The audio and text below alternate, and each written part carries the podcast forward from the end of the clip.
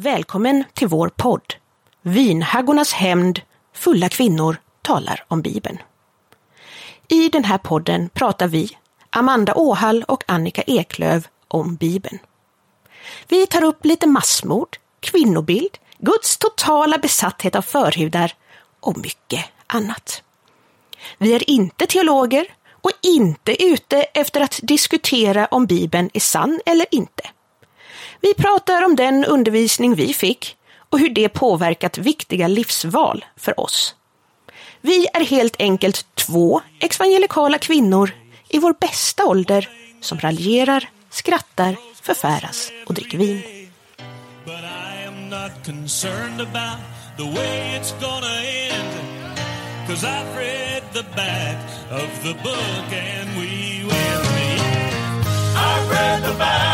of the book and we win. No more living in darkness, we'll be living at home. Våran, eh, vårat lilla manus. Ja, eh, alltså... Och där står det att jag ska säga så här. Välkommen till våran pat- fantastiska... Patetiska podd! Jag erkänner att jag höll på att säga det. Då tar vi det en gång till. Klipp! Välkommen till våran fantastiska podd Vinhaggornas hämnd. Då ska du säga... Fulla kvinnor pratar om Bibeln. Ska jag säga då. För att det är så det är. Precis. Vi är fulla, vi är kvinnor. Sen, sen ska du säga detta är vårt första avsnitt så vi tänkte berätta lite om vilka vi är. Fan vad dåliga vi är! Hur vi blev frälsta och avfrälsta. Eller ex-evangelikala som vi säger. Ja, Och sen Alltså- så har du skrivit att vi ska skåla. Så ja men det kan vi göra. Liksom. Men eh, vänta här, mitt. Mikrofon och vin och grejer. Skål Amanda. Skål! Skål Annika. Det här är inte en podd som görs av psykologer, teologer, Verkligen någonting. inte. Utan det här är liksom två kvinnor runt 40 som... Vi pratade om det tidigare att det är ungefär 17 år sedan du lämnade. Mm. ja. Det är ungefär 14 år sedan, 14, ja, lite mer, som jag lämnade. Mm. Och fortfarande så är det någonting som tar upp så mycket av ens tankevärld. Och man är så... Man är så isolerad eh, på sin lilla ö i samhället.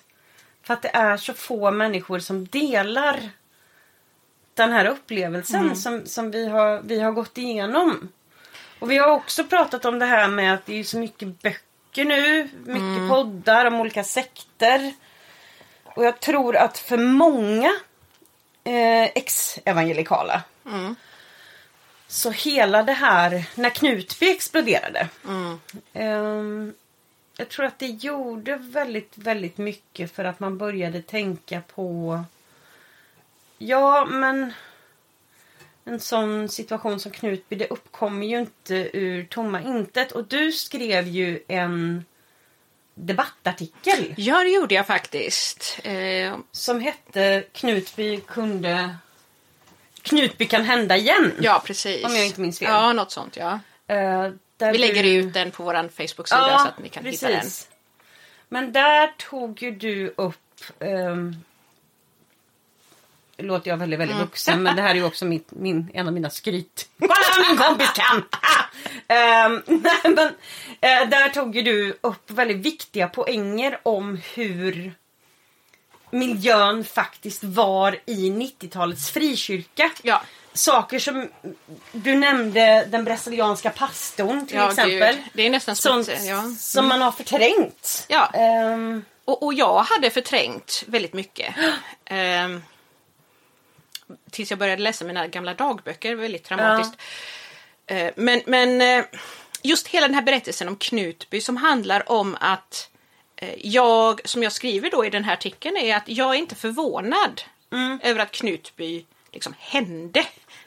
Men jag är förvånad över att det inte var fler av oss som hamnade där. Och jag har ofta frågat mig själv varför hamnade inte jag där när det ändå var flera tjejer från, från min ungdomsgrupp Ja. som hamnade där.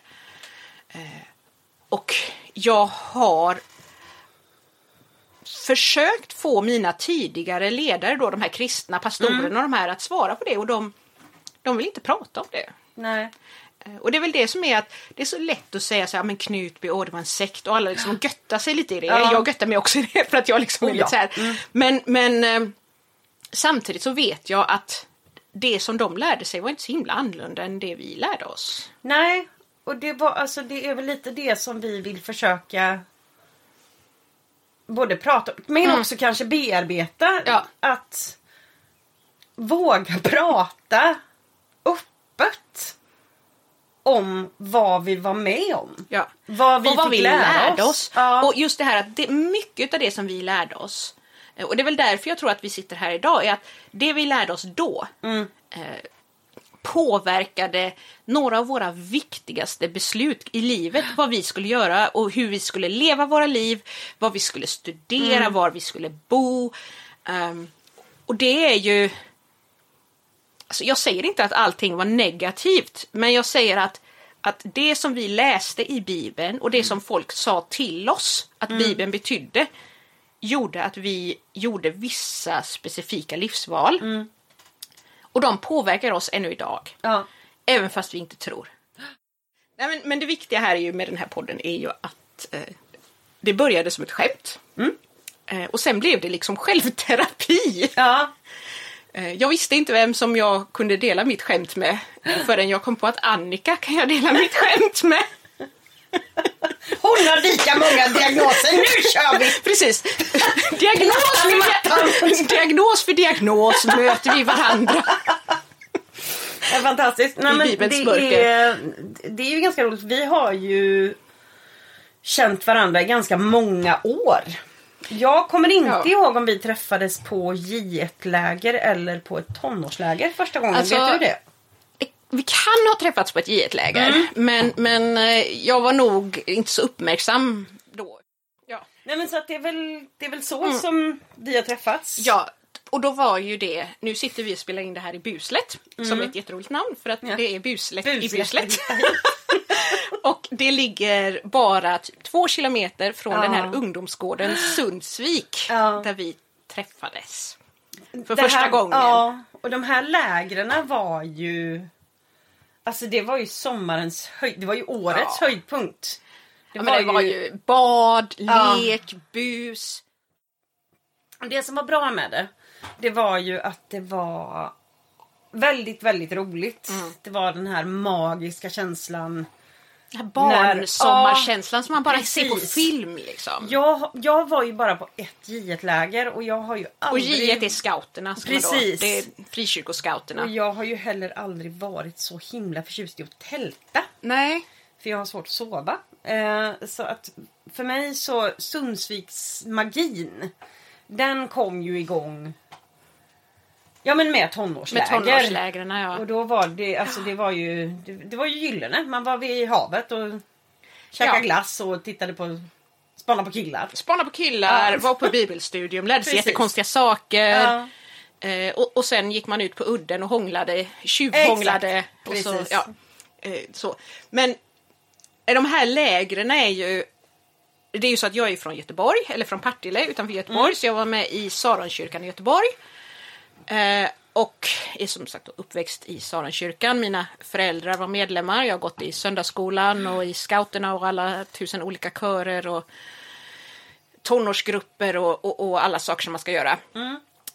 Eh, och sedan var det så att den här gården ägs, den här Sundsviks ungdomsgård som det fortfarande heter, ägs av eh, olika kyrkor i Västra Götaland. Och det var ju där som vi träffades för att Precis. du kommer från Jag var ju med i Salemkyrkan i Vargön och det var Salemkyrkan, det fanns ett uttryck att ni var våran systerförsamling. Ja, så var det väl. Ehm, Jättetöntigt men okej. Och så var det, det här har jag aldrig förstått, men det var någon random kyrka i Götene, Mm. Mariestad. Ja. Eh, oh, Grästorp! Ja. Jag vet inte om du kommer ihåg dem, men det var de här tjejerna från Grästorp som vi kallade för Gräshopporna. Vi var typ superelaka mot dem. för att de var typ lite mer så här sexuella än vad vi Jaha, var. okej. Ja, nej men det gick ju inte för sig. Så Mm. Nej, det, nej men alltså, sen så är det ju det att det är ju ingen, det är ju ingen Ingen som står ut med människor från Grästorp på det sättet. Men Det var ju... Det, Det var nära att flytta dit, sen blev det Buslet Ja. istället. Nej men det, det var... det var, det var ju en brokig skara människor. Men hur många Ja. brukade vi vara? Ungefär kanske... Alltså grejen är att vi 100 var nästan tonåringar. 100 tonåringar. Och, och det är ju helt... eh, Alltså det måste ha varit vid vid något tillfälle där att alla 60-talisterna höll jag på att säga, eh, fick barn samtidigt. För att Ja. så är det inte nu och så har det inte varit tidigare. Nej. Men vi kunde vara 100 till 120 tonåringar. Eh, Och så sätter du alla de här på en plats och så är det sol och bad och det är bikinis och badbyxor. Eh, Och samtidigt är det totalförbud att ens prata om sex nästan. Ja, jag, jag tänkte ju aldrig så mycket i de banorna. Utan för mig så var det mest bara... Jag var ju barn väldigt, väldigt länge. Men Mm. alltså det var ju... Det var ju mest bara väldigt härligt. Och så var det bibelstudium och... Och sånt. Mm. Ehm, Jag vet de första åren på de här tonårslägren, kanske första två åren eller så, Ja. så satt jag alltid längst bak på bibelstudiet och typ höll på att somna. Ja. Mm. För jag tyckte det var så himla tråkigt. Det roliga var ju liksom utanför. Precis. Eh, och samtidigt fanns det ju en väldig press på att man skulle gå på det här som kallades för frivillig bön. just det. Eller som jag skulle vilja säga, inte så frivillig bön. Ja. När det var lite lovsång och så var det bön och sådär. Mm. Eh, och det blev ju mer och mer radikalt, extremt Ja, jag med skulle, åren. jag skulle säga det att det kom ju någon slags, om jag inte minns fel. ehm, var det Toronto?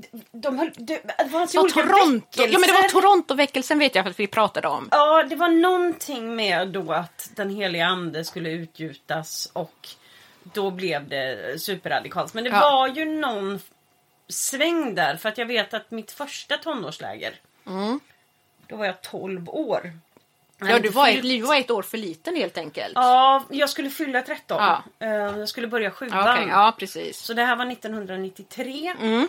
Eh, och då vet jag att det var lite mer sansat. Ja, det är det De jag också kommer ihåg. första två åren. Så jag vet Ja. att eh, mina två första läger efter sexan och efter sjuan. De var någorlunda Ja. sansade. Och då var Och det så sen att då var hade det- vi helt andra pastorer tror jag. Ja, sen var det 1995 när det tog av Ja, gud, då hände det. fullkomligt. Men det här kommer vi ju komma, Vi kommer ju komma prata till om lite, det här längre, lite längre fram. That's why on the day of judgment, all of creation will praise God for his condemnation of you if you are outside of Christ. And they will raise their hands and testify that the God of all the earth has judged you rightly. Som sagt, det här är ju lite av ett presentationsavsnitt så då kan man ju börja med att presentera varandra. Ja. Jag sitter ju faktiskt här, det här är ju ett av mina bästa skryt, men jag sitter ju här, hör och häpna, med eh, Vänsterpartiets tidigare pressekreterare i Bryssel. Fröken, eller fru Amanda Fru. Åhall. Fru Amanda Nu för tiden. Igen. Berätta lite om dig. Ja, ehm, Vem är du nu? vem är jag nu? Jag är 42 år gammal, tror jag i år. Jag är 2021, jag blir 42 snart. Ehm, jag är väldigt lycklig över att vara vuxen. Jag är väldigt glad att jag inte är barn och tonåring. Ja, det är så jävla toppen att vara Jag, vuxen. det är så här, jag kan ha min ångest för mig själv. Ja. Ehm, Ur vägen, mamma var här först. Precis. Ehm, jag är eh, uppväxt i, i Saronkyrkan i Göteborg. Mina föräldrar var med i kyrkan. Eh, ja, och jag har liksom varit med om allt det här. Jag, alltså mitt första minne egentligen som jag har av kyrkan, det är att det luktar ingrott kaffe och att man äter eh, sån här rulltårta som är, är drömtårta eller något kallas det ibland. Ja, det är sån här drömtårta. chokladgrej med, Exakt, med oh my god, det är så äckligt. Jag kan inte äta det. Jag kan inte ens lukta på det. Och så åt man tekakor med ost och paprika. Paprika, mm. Och, och jag kan inte äta tekakor heller. Alltså jag mår fysiskt dåligt när jag äter tekakor så att liksom, det bara går bort. Eh, och sen mitt andra sånt minne, liksom mitt första bibelminne egentligen, Mm. är ju att vi då gick i söndagsskolan och så skulle vi lära oss alla böckerna i Nya Testamentet. Ja. Och då var det som en ramsa. Och om man klarade den ramsan då Ja. fick man godis. Ja, men det är Alltså ju- det är som Pavlos ja. hundar liksom. Man är Exakt, hund, bara det ring- betingade beteendet. Precis. Ringer klockan så får den gå. Eh, Kommer du ihåg dem fortfarande? Vill Eh, ja, alla först är det så här eh, evangelierna och, och apostlagärningarna och sen är det Rom, Kor, Gale, Fil... Timotit, Fili Hebr, Jakob 1, Petrus 2, Johannes 3, Judas brev, Johannes uppenbarelse. Jag tror att jag har missat några. Ja, jag vet ju inte. Jag har aldrig läst mig den, lärt mig den ramsan. Jag... Den är ju väldigt praktisk då Ja. om man ska slå i Bibeln. Och, och så upptäckte jag idag då att jag inte klarade av att slå i Bibeln för att jag hade liksom glömt av det där. Så då fick jag Ja. sitta för mig själv och så här Romkor, Kale, Ja. Fili, Hebr, någonting, någonting. Ja, nej men då fick Ja, man godis. ja. Det var bra. Nej, men alltså hade du... Du är ju ändå uppvuxen i en krist... Ni, hur många syskon har du? Du har jag, många har, systrar. jag har tre systrar. Ja. Eh, Jag är näst äldst, eh, men jag är också den som då skulle vara den starka och tuffa. Jag tror att jag kanske var sex år då och min stora syster var tio när jag fick höra att jag inte fick slå henne för att jag var starkare. Ja. Så jag, var, jag var lite våldsam helt enkelt som, som barn. Nej men ni är många i familjen. Vi är många. Och, Och sen med hade stora jag- personligheter. Ja, Mm. och sen hade vi fosterbröder. Och sen var det ju egentligen så som jag lärde känna Vargön och Salemförsamlingen var genom att min stora systers kompis från, från Vargön Ja. bodde hemma hos oss med, med jämna Okej. mellanrum, veckor och helger och sådär. Och, och hemma hos mig var liksom, huset var alltid öppet för alla möjliga människor. Jag, jag brukar säga att jag växte upp nästan som i ett kollektiv. Alla var där och byggde på sina bilar och det var trädgårdar och så. Som liksom alla höll på med i och det var, ja, det var jätteroliga saker. Eh, och det var jättekul och jättespännande. Och jag fattade nog aldrig att vårt liv var annorlunda än andra människors. Eh, och, och den enda gången som mina föräldrar drack alkohol det var på sommaren och då hade kanske pappa varit i USA Ja. och köpt någon alkohol av en rolig färg. Okej. Och då fick man doppa liksom lillfingret i det och smaka. Ja, ja. Och det var ju typ så här alkohol med socker men Ja, fast jag tänker, det, det blir ju ännu roligare om man tänker att så full on absint. Ja, men- med meskalin. Kom igen Amanda, i med lillfingret. Om det bara hade varit så nu väl. jävlar är det semester. Nej men det, det, ehm, det är ju lite speciellt. ehm, Det är ju väldigt, väldigt vanligt inom frikyrkan. Mm. Nu ska vi ju tillägga det att vi båda har ju lämnat sedan flera år så jag Oh, ja. har ju ingen direkt koppling till det nu utan de erfarenheter som vi kommer diskutera i podden de är ju väldigt fokuserade på 90-talet och Ja. tidigt tidigt 2000-tal. 2000-tal. Ja. Hela den här grejen som hände med, med då det som började med, som i alla fall för oss då, med det som kallas för Torontorörelsen. Ja. Och sedan att det skulle bli ett nytt millennium och Jesus skulle komma Precis. tillbaka. Var mycket med det. Now we all wanna be winners in the games of life that we play. But friends, since I'm a sinner, I've already lost the race. But Jesus' blood can take my sin and throw it in the deep blue sea. He'll put an end to my last place living. He'll give me the victory. Just det här med Torontorörelsen. Eh, det börjar egentligen inte i Toronto, men man brukar säga så. Det börjar egentligen någonstans i, i USA. Eh, och, och då är det så att man börjar predika på ett lite coolare, tuffare sätt och så börjar folk reagera fysiskt på det som predikas. Alltså man börjar skratta eller gråta och folk, liksom, det som kallas då för att falla i anden. Precis. Masspsykos inom Masspsykos. Alltså psykiatrin. Ja. verkligen. Eh, du skapar en stämning där Alternativt människor... ergotförgiftning. Men, men vi, men, vi, vi har inga bevis. Jag kan inte uttala mig.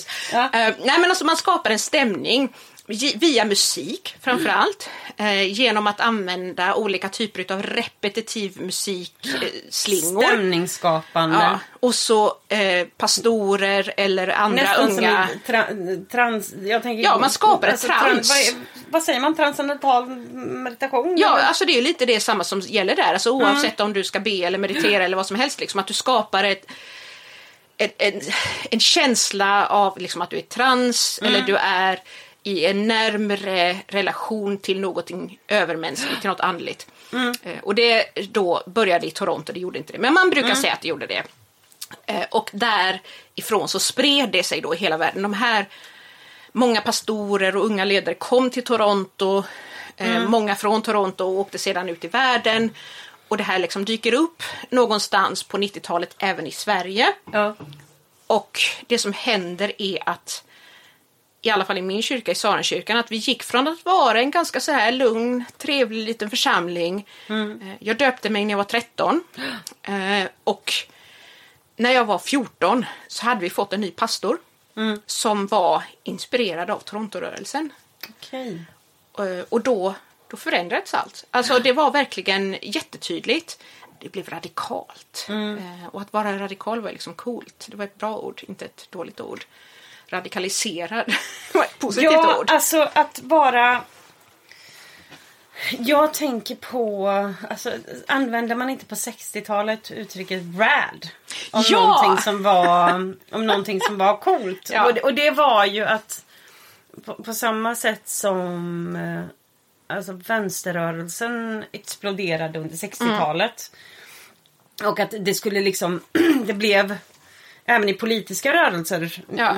väldigt sekteristiskt för att Verkligen. det var väldigt flummigt och det skulle vara det skulle synas på ens liv skulle liksom Och det skulle, fanns absoluta sanningar. Absolut, och det skulle också manifestera sig i ens vardag.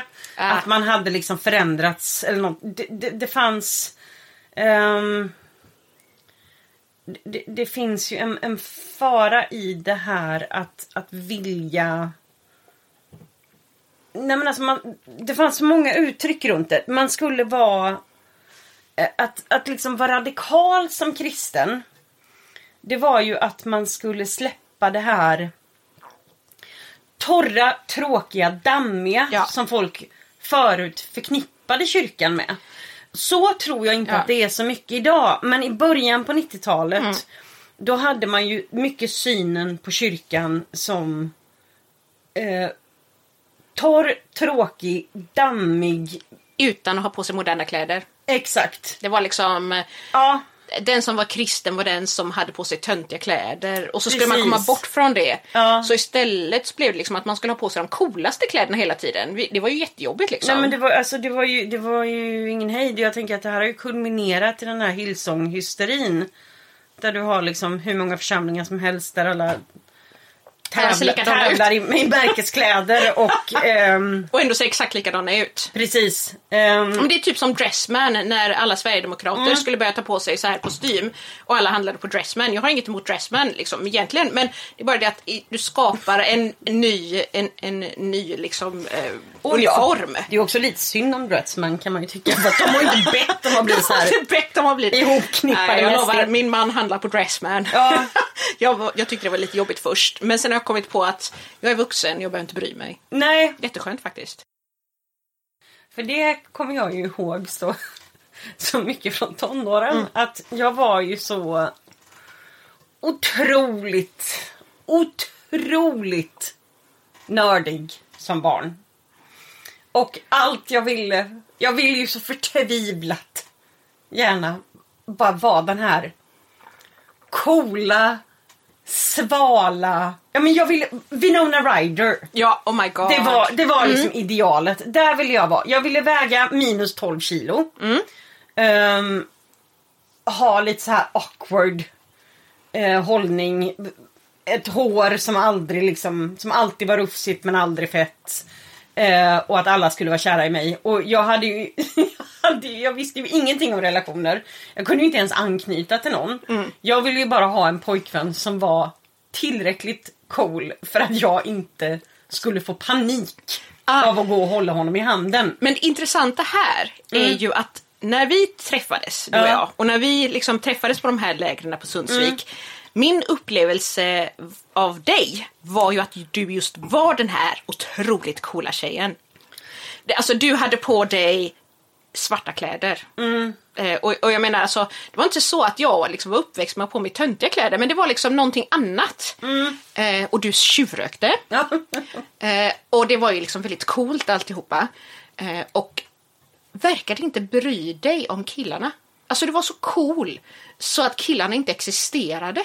Så kändes det. Så jag, jag ville ju liksom vara där. Vi var ju aldrig kompisar riktigt. Nej, vi, men, Men vi, vi hängde. Vi, vi var ju inte ovänner utan Nej. vi, vi var ju alltid runt varandra. Ja, som, ja. Ehm, och allting sånt. Jag hade ju en sån här känsla av att eh, jag föddes, eh, såg mig omkring och konstaterade att ja men det här är ju, det här är ju obegripligt. Det här kommer ju aldrig jag lösa um, och sen så spenderade jag väldigt, väldigt många år med att alltså, leta efter någon slags handbok. Jag tittade på andra människor, imiterade vad de gjorde. Um, långsamt försökte lära mig att liksom läsa av lite för att jag är en otroligt ängslig person. Um, men du är väl det som kyrkan skulle kalla för sökande? exakt. Ehm, och då, då blir det ju Lätt bete, höll jag på att säga. lätt, lätt, ja, lätt fångst. Precis, exakt. Eh, lätt fångst.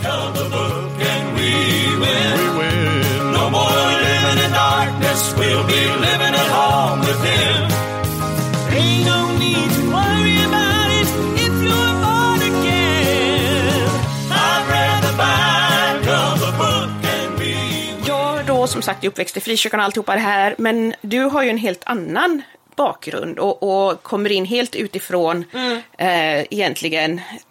Och det var ju väldigt spännande för mig. Du var liksom tuff och cool, kanske för att du inte kom från kyrkan. Men, Nu ska eh, vi också ta, göra en li, liten litet avbrott här och säga att det tog några år innan jag började vara eh, alternativ. När du träffade mig första gången så vill jag bara påpeka att jag hade permanentad page. Ja, 12 år gammal. Jättegulligt faktiskt. Eh, Den Annika kommer jag inte ihåg. Försökte förtvivlat begrava henne under... ja. Nej men, men Ja. eh, berätta, vad, alltså, hur, vad hände? Ja, nej Hur men gick du från... ingenting till, till allt. Till allt? Ehm, jo, nej men jag kommer ju från eh, ett svenskt traditionskristet eh, hem. Alltså Mm. inte frikyrkligt utan eh, mina föräldrar är och var 40-talister. Mm. Ehm, min pappa lever inte längre, min mamma är fortfarande alive and kicking.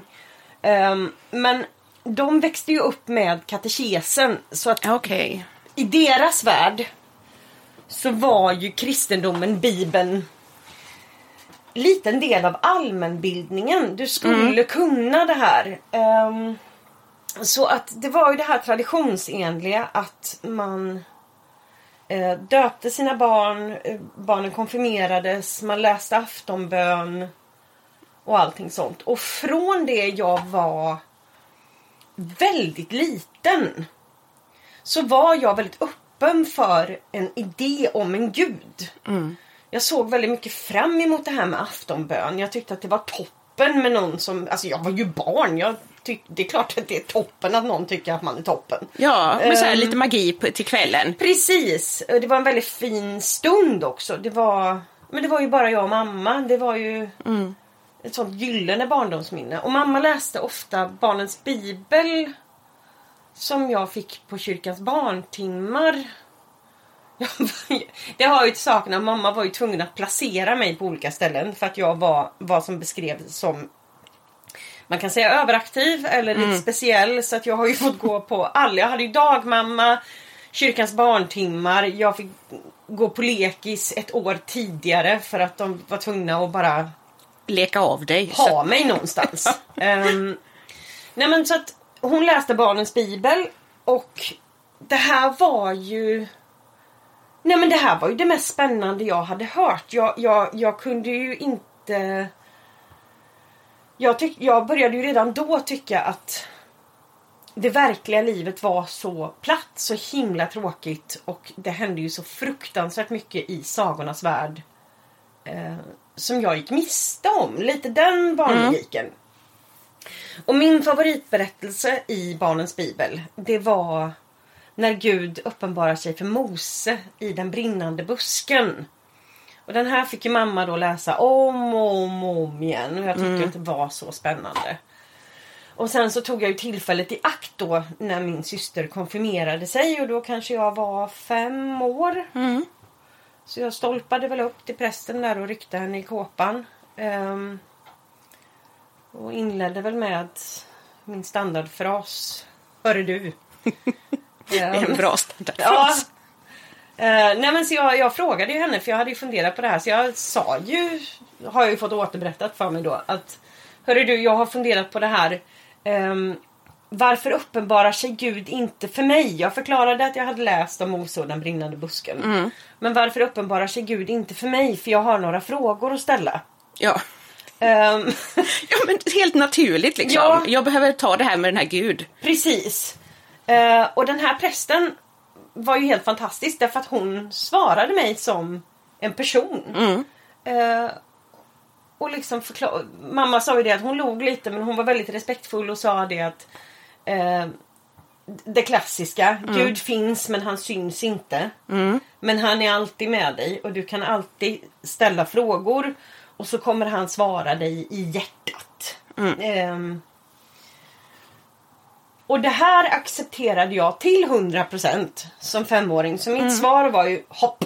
Och sen så vände jag mig om och stolpade därifrån och var nöjd med det här. Ehm, och sen så när jag då lärde mig läsa så Ja men jag bodde ju på biblioteket. Läste på om allting från grekisk och romersk mytologi till ja men det ena med det tredje. Ja, allt som var fantastiskt med Ja, världen. sagovärlden. För att den var ju oändligt mycket bättre än, än verkligheten. Ehm, sen så får man ju ha det i åtanke också att min pappa blev ju sjuk. Han insjuknade i psykisk ohälsa och eh, beroende när jag var väldigt, väldigt ung. Väldigt liten. Och då blev, då finns det ju det är ju så mycket energi som går åt i en familj att handskas med ett missbruk så att det finns inte tid och ork ibland för något annat. Nej. Och inte tid och ork Ehm, för barnet. Och absolut inte tid och ork för mig med mina 18 miljoner frågor. Mm. Ehm, så mikrofonen. Inte handen. För, förlåt. Ja, nej, mm, mm. Klipp! Ehm, nej men så att det blev ju... Jag fick ju vara med min bästa vän Hanna mycket i kyrkan. För att mamma tyckte ju att eh, det här var en väldigt bra plats. Det var tryggt. De hade mycket... Det här var eh, Vargöns frikyrka, Salemkyrkan.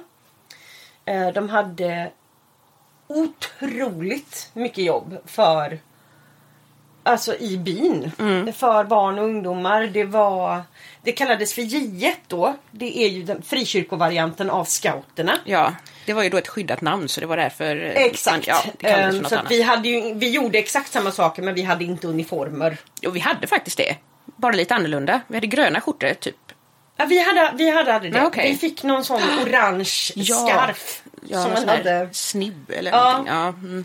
Men, men oavsett så det gick jag på och sen så var det både jag och Hanna var väldigt duktiga på att sjunga så att vi fick ju vara med i vuxenkören i kyrkan från det vi var tio år tror jag. Och då åkte vi ju med på körhelger och Lite som maskotar fast ändå aktiva. Liksom. ungefär. Eh, så jag blev ju väldigt väl emottagen och väldigt omhändertagen där och då blev det väldigt naturligt att de här tror ju på någonting. Så, vad är det de har som jag inte har? Och för mig så var det mycket det här magin. Att äntligen nu får jag någonting presenterat för mig. Det finns någonting mer än bara den släta tråkiga vardagen. Det finns någon form av magi Ja. i livet. Det finns en alternativ verklighet där en pappa i himlen älskar mig och, och vill, ha, alltså, vill ha med mig att göra. Eh, och det här var ju otroligt stort som barn. Så att jag drogs ju till det här som Ja men som myggor till mig eller malar kring en eld eller Ja. liksom den biten. Jag tyckte att det var jättespännande. Ja men, det är ju Ehm, Men jag vet, du berättade, du sa någon gång att det var lite grann som att få det här brevet från Hogwarts. Exakt, det var det jag tänkte eh, berätta. Därför att jag har ju, det är ju så himla många som säger ja men man måste vara dum i huvudet och det är man väl absolut. Alltså, jag var väl en standard 12-åring Ja. alltså, när jag blev kristen. Men jag tror att det som människor glömmer bort det är att det finns många där ute som så förtvivlat gärna vill ha något mer. Och jag brukar beskriva det här ehm, att människor söker sig till kristendomen på precis samma sätt som så många har fastnat så otroligt hårt för böckerna om Harry Potter. Därför att i mångt och mycket så är det samma historia. Vi kommer komma tillbaka till mycket Harry Potter-referenser Ja. i andra avsnitt. Men grundidén är ju det man kan relatera till. Att du är... Harry Potter är ju skapligt oönskad i sin familj. Ehm, även om man inte är det i verkligheten så är det en känsla Ja. man har som barn när det Precis. inte är hundra. Det är otryggt. Ehm, han har ingen plats, han är helt oviktig. Och en dag så kommer det ett brev. Och då visar det sig att det finns en alternativ verklighet där han inte bara är välkommen utan där han är speciell, utvald, magisk, eh, viktig. Och det är lite samma som kristendomen presenteras för barn. Att det finns en parallell verklighet där din Gud i himlen älskar dig, vill ha dig. Han har planer för ditt liv. Mm. I Bibeln kan man läsa mycket om andliga gåvor. Det står att de som är kristna ska kunna profetera, i princip berätta om framtiden, eh, be för sjuka. Det finns hur många olika övernaturliga förmågor som helst. Ja, och det är så roligt för att när man pratar om det så här som vuxen så blir Ja. det så här, ja, men det är övernaturliga förmågor, det är som de här magiska sakerna Ja. som de går i skolan för att lära sig. Vi gick ju nästan som i skolan för att liksom hitta våra eh, Exakt. eh, andliga gåvor. Liksom. Så skulle man testa så här, ja men du kanske inte var en helare, eh, eller du kanske Precis. inte var en profet, eller, eller så. Eller man kanske var det. Jag tror att de flesta av oss nästan var profeter för det var det enklaste att inte Ja, de flesta bevisa. av oss var evangelister. Ja, så evangelister kanske det var. För det var, det var liksom det enda som, det var det som stod högst i rang Ja. då på, på, på 90-talet. Och här trodde jag att det var jag som stod högst i rang för att jag ansågs vara någon slags profet. Ja, jo men alltså det, det var ju, det här kom ju senare. Ja, så var det kanske. Ehm, jo, men man skulle ju gå ut och gå i, sina, i sin uniform, eller vad säga. Ja, men jag får bara Mm. fullfölja den, den tanken. Men det var ju det här med just evangelister var ju att de, de skulle liksom gå ut på gator och torg och berätta om, om Jesus. De skulle missionera. De skulle Förändra världen. Förändra världen. Ehm, och jag drogs väldigt, väldigt mycket till just det här att jag var... Det fanns någonstans där jag inte bara var önskad utan eh, speciell, utvald. Eh, och det var den undervisningen vi fick.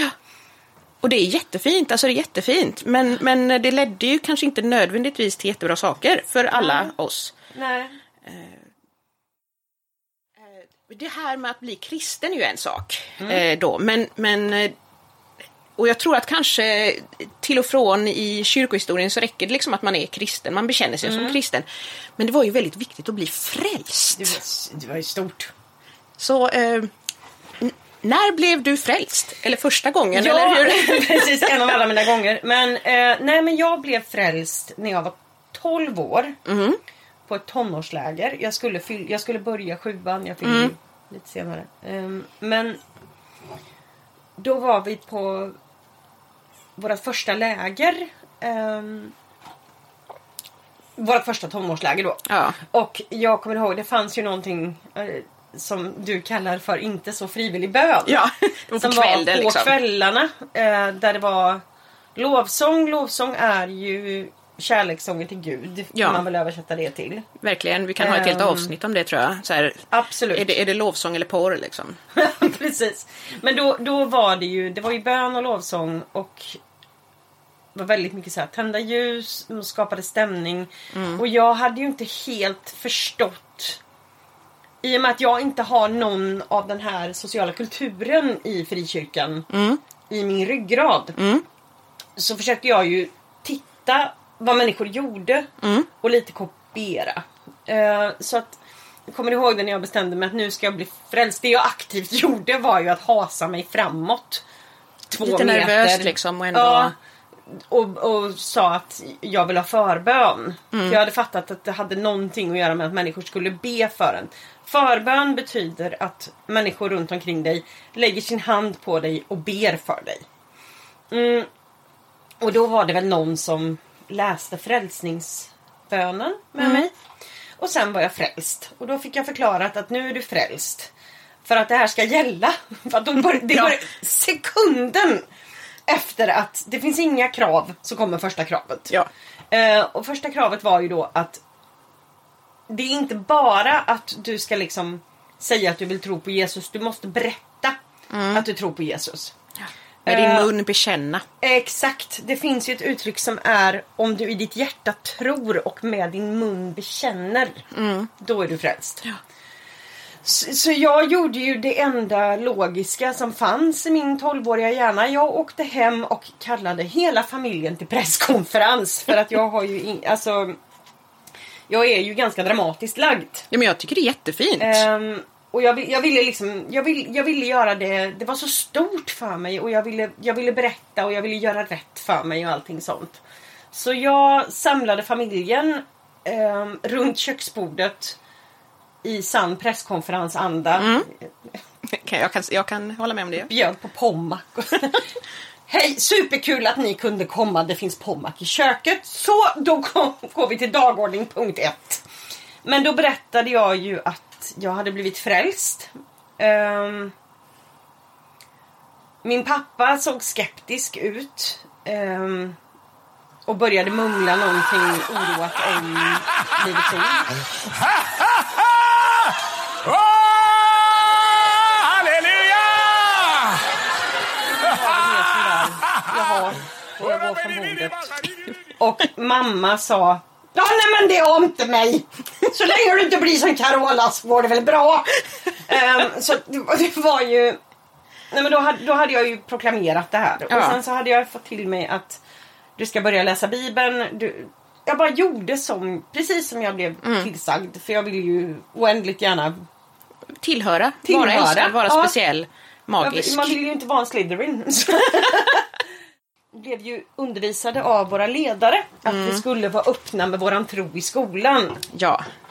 Och det står nämligen i bibeln att som kristen så ska du vara ett ljus i mörkret Ljus i mörkret och du ska vara jordens salt. ja, det är något jättekonstigt. Jag vet oklart. inte riktigt. Ehm, Det där med salt är en konstig grej i Bibeln. men du, du ska liksom vara...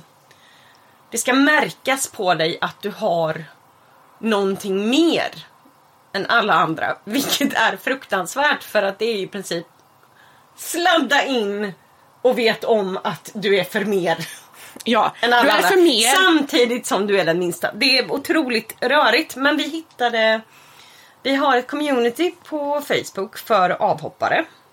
ja. Eh, Ex-evangelikala eller ex-evangeliska. Precis, och då var det en tjej som... Vi kan lägga ut länken till det också tror jag Ja, på, på vår Facebook-sida sedan. Och det, här- det här var... Det hon skrev, det berörde mig så mycket för att jag minns så väl den här paniken som hon beskriver. Men jag tänkte, jag har frågat den här tjejen om jag får läsa upp hennes text och hon har samtyckt. Ja, Eh, och jag tänker att jag läser den för att den säger så mycket för så många av oss. Hon skriver så här. På ungdomsmöten och framförallt läger och konferenser var det mycket fokus på att peppa upp oss som var ungdomar att våga missionera, vittna om Jesus för klasskamrater och att vara öppna med våran tro i skolan. Vara ljus i mörker och salt och allt vad det var. Ofta kände jag när jag kom tillbaka till skolan efter lägret slash mötet slash konferensen mig väldigt pushad till att bli mer utåt med min tro och börja vittna. Jag kände ett jätteansvar. De skulle ju brinna i helvetet om inte de fick möjlighet att ta emot Jesus. Och, inom situationstecken, om inte jag skulle gå, vem skulle då göra det?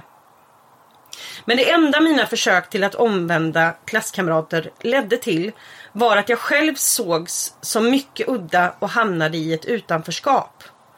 Jag var tvungen att välja mellan att själv passa in och vara någorlunda accepterad eller att vittna och försöka vinna själar på bekostnad av att hamna utanför. Det blev en inre konflikt där det ena alternativet gjorde mig till en fruktansvärd egoist. Jag kunde ju såklart inte prioritera mig själv framför mina klasskamraters eviga undergång. När jag inte vågade vara öppen med min tro så slog jag på mig själv. Jag har tänkt på det här och inser vilket jävla dilemma de här pastorerna sätter barn och ungdomar i när de predikar på det här sättet. Det är inte okej. Jag vill säga tack till den här tjejen som har uttryckt det här så Jag, jag tänker att vi, väl. alltså det är så himla fint och det är lite sorgligt men jag tänker att vi kanske ska runda av där. Men också just säga det här att eh, det här står ju också i Bibeln. Alltså Mm. vi får ju lära oss det att den som, vi kommer bli hatade, vi kommer Mm. att vara utanför, att det liksom är det normala.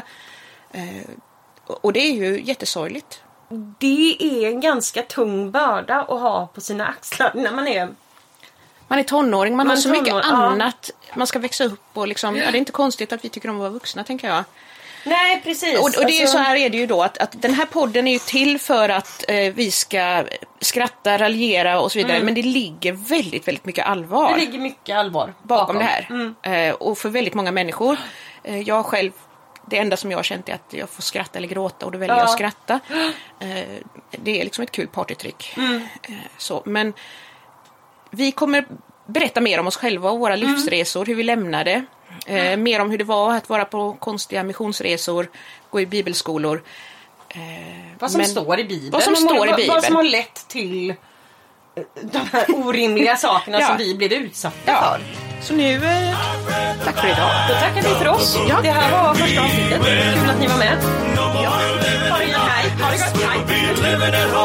Hej.